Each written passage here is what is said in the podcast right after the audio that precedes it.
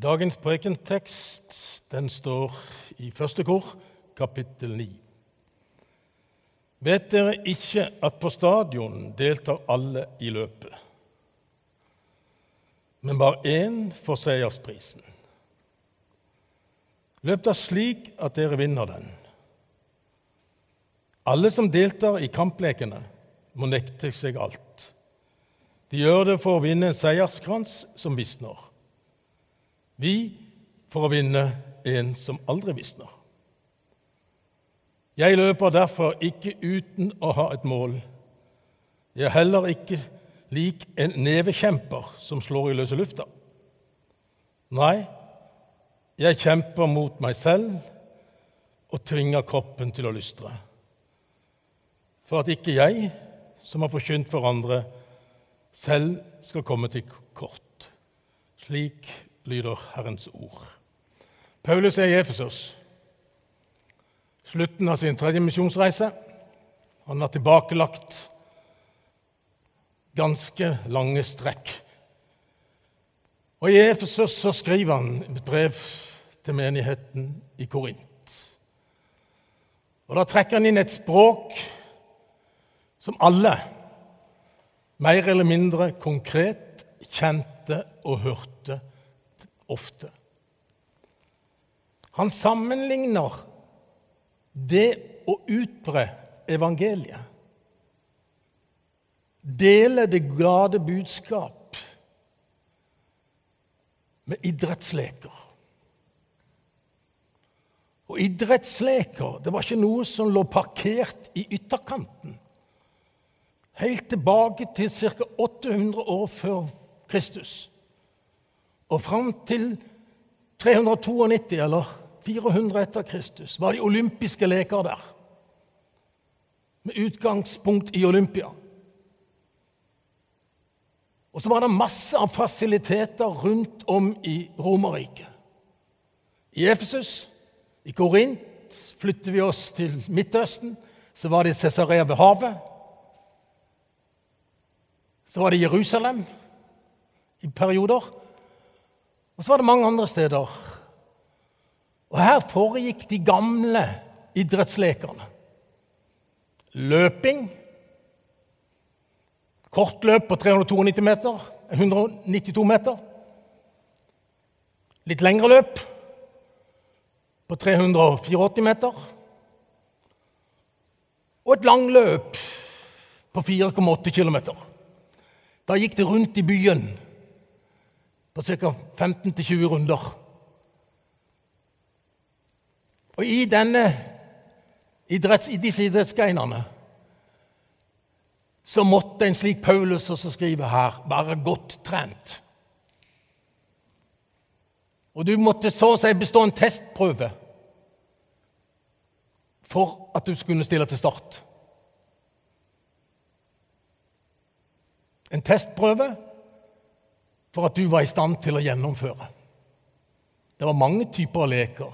Femkamp, løp, diskos, bryting. Og så var det en variant av stille lengde som jeg har sett litt nærmere på av, i andre sammenhenger. Da holdt de noe, en slags tyngre sak i hver sin hånd, og så i det øyeblikket de hoppa ut, så slengte de de foran seg og så fikk de en slags kraft som førte dem lenger. Det er tegninger på vaser fra den type aktivitet. Altså Det var et levende fortellingsnett, fortellingsmomenter, som gikk blant folk, og som gjorde at man kjente dette språket Paulus spilte på. Når han skrev til menigheten som han har grunnlagt i Korint, rundt år 55-56 når han skrev det og spilte på dette, så visste man jaha, det kjenner vi jo, det vet vi jo om. Og dermed fikk de noe. Et språk som fungerte.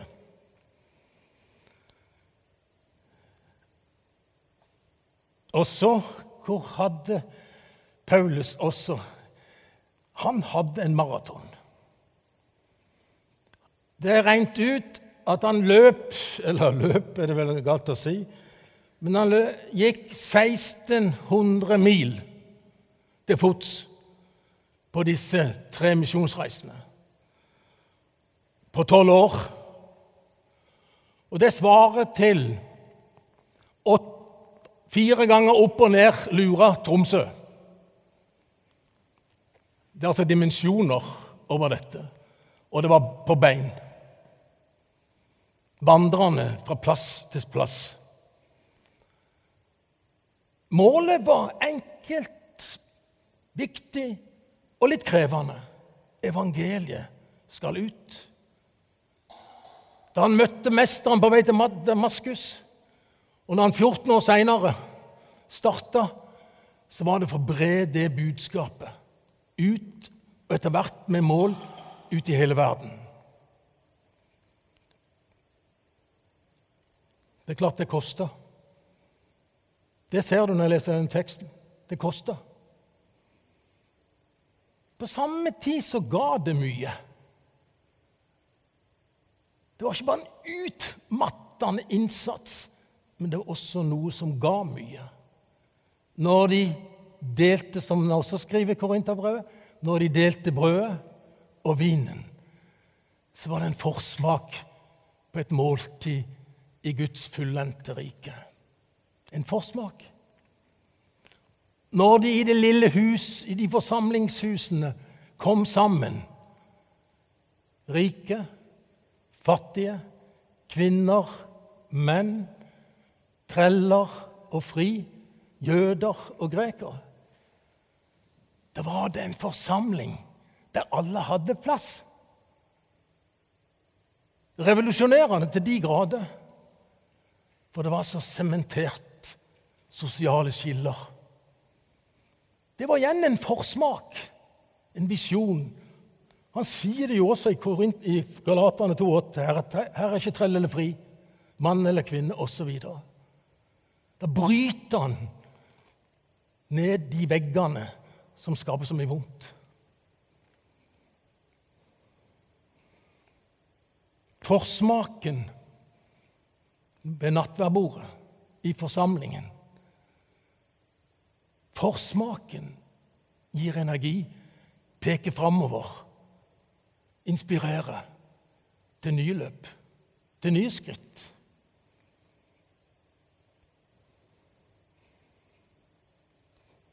Forsmakene viser at kransen ikke bare for én. For de fikk kranser den gang hvis du vant. Olivenkrans eller laurbærkrans. Og var du fra en stor by, så kunne du spise middag resten av livet på de offentlige regning. Så du fikk ting og tang fra det lokale bymiljøet du kom ifra, som du representerte når du sprang eller konkurrerte. Men det var en kort belønningstid, relativt sett. Jeg, må, jeg har lyst til å ta med en liten sånn parentes. De olympiske leker Av og til var det ups, av og til var det down. Av og til mangla de ressurser, og av og til fikk de ikke gjennomført dette. I år 12 før Kristus så kom Herodes på gjennomreise via Olympia. Han skulle til Roma og forhandla med Augustus. Da så han hvor elendig det var i Olympia. Da sponsa det. Anleggene, driftinga. Og så står det hos, i en skriftlig kilder da ble han introdusert og proklamert som president for de olympiske leker for all tid. Denne mannen fra det lille området som hadde vokst opp i den arabiske ørkenen omtrent, og som sto på høyt oppe, de ropte han ut til president for de olympiske leker. Av og til noen gode fortellinger å ta med seg. Litt annerledes fortellinger.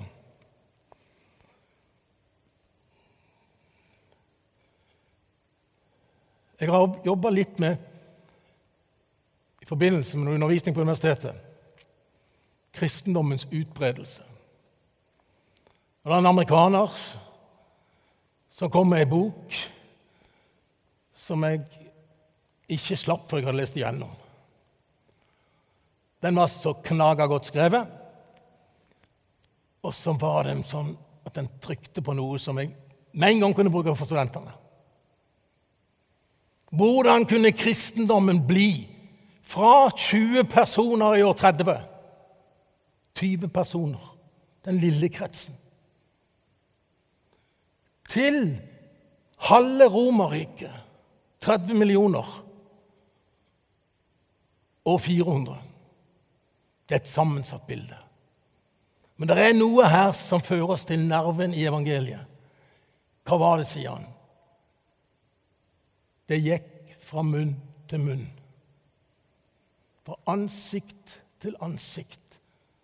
Det var ingen kanaler som kunne spre dette på mynter eller ville direktiver eller hva det måtte være. Det var fra munn til munn. Fra ansikt til ansikt. Det ene som blir påstått, og som gir mening. Og hvorfor gir det mening? Jo, for den tida så reiste man rundt i Middelhavet. Båter og vandreruter. Romerne bygde veier, og det var besøk og reise. Og så kunne de et språk, de fleste. De kunne gresk. Da er det lettere da enn om du måtte komme til ett land og så snakke ett språk. Men her var det et felles koinegresk. Som gir oss mulighet til å forstå hvordan dette kunne bre seg sånn ut. At Paulus kunne reise der og der og der. At han kunne trekke inn bilder fra den helenistiske kultur. Altså et språk, et fellesspråk. Og det tredje moment som trekkes fram, at budskapet var ikke proklamasjon av prinsipper. Gjerne filosofiske resonnement. Det var fortellinger. Fortellinger etter hvert de vi kjenner igjen fra evangeliene, som henta de som kom. Som henta dem, de som kom, inn og ut ifra deres egne liv. Der satt de og følte seg som den barmhjertige samaritan. Livet hadde vært tøft. Og Så ble det en Jesus-skikkelse som kjørte der oppe, men her nede. Så var det fortellingen om hun som hadde blødd omtrent i hjel, kan du si, og som ikke fikk adgang til noen plass i kraft av regler og budordninger. Og så er Jesus-skikkelsen den som knytter sammen. Der satt de folk som overhodet ikke hadde noen plass. Svært ofte nederst på rangstigen er det dokumentert. Og Der satt det noen høyt oppenfra, og så skaptes det et fellesskap. Så klart Paulus måtte kjenne at det var jo noe skikkelig og godt også i dette her. At det som skilte folk og ødela relasjoner, det brakte Jesus-skikkelsen på små skritt, små oppdagelser og erfaringer. Det brakte han videre og skapte et nytt fellesskap. Og det sies hovedgrunn fra munn til munn. Fellesskapet som ble skapt, det nye. Fortellingene. Og det siste som tas fram, det er nettopp at det var ikke noen luftige greier som de så seg kunne dikte nytt hver gang. Nei, det var skriftlige kilder. Det var samla, og dokumentert. De kunne etterprøve det, og de kunne finne fram. De fire grunnene. Og da er vi faktisk i noe som angår oss, gjerne i lys av denne teksten. Noe som angår oss. Det ligner litt på det jeg har kalt Kapernaum-modellen. Jesus henvender seg og møter ansikt til ansikt. Jesus henvender seg og knytter sammen folk som overhodet ikke skulle gått og vært i samme rom. Jesus åpner og deler så de blir bygd opp og fikk et fellesskap. Og det han gjorde, ble fortellingene. Og da lå seierskransen der. Se, jeg er med dere alle dager. Jeg er med dere alle dager. Det er seierskransen. Paulus slåss for han, han ante han, han smakte på han. I Kapernaum aner vi han. Og sånn gjelder det også for oss.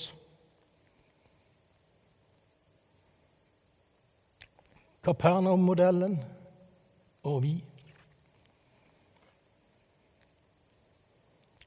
Det som drev Paulus 14 år Han gikk i læretid. Han hoppa ikke rett på med en gang.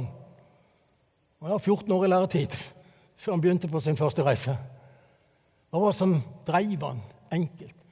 Det var møtet med ansiktet til Jesus. Direkte et møte. Et spesielt møte, ja, men det var et møte, et jeg-du, noe personlig.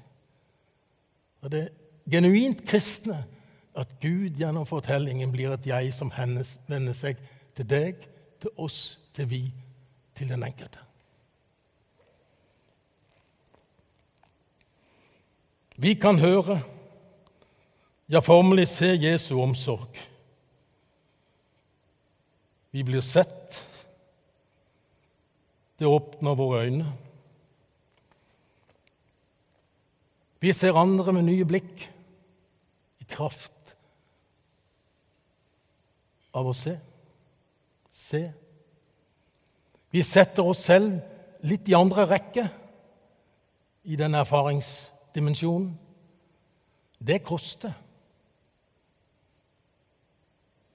Men det er en del av løpet, en del av formidlingen. Men når ansiktet vi møter midt i at det koster Men ansiktet vi møter, og når det svarer med et smil, et nikk Da er Guds kjærlighet synlig mellom oss mennesker. Ikke beviselig, men erfaringsmessig. Da er vi med i den store bevegelsen, våret oppe og inspirert av Han, med de merkede og utdrakte hender. Jeg er med dere alle. Fred være med dere. I dere løp, i dere verden. Og så må vi smitte andre ikke med den virusen, men vi må smitte andre med det fantastiske, enkle og nærgående budskap. Han er der til liv og framtid. Amen.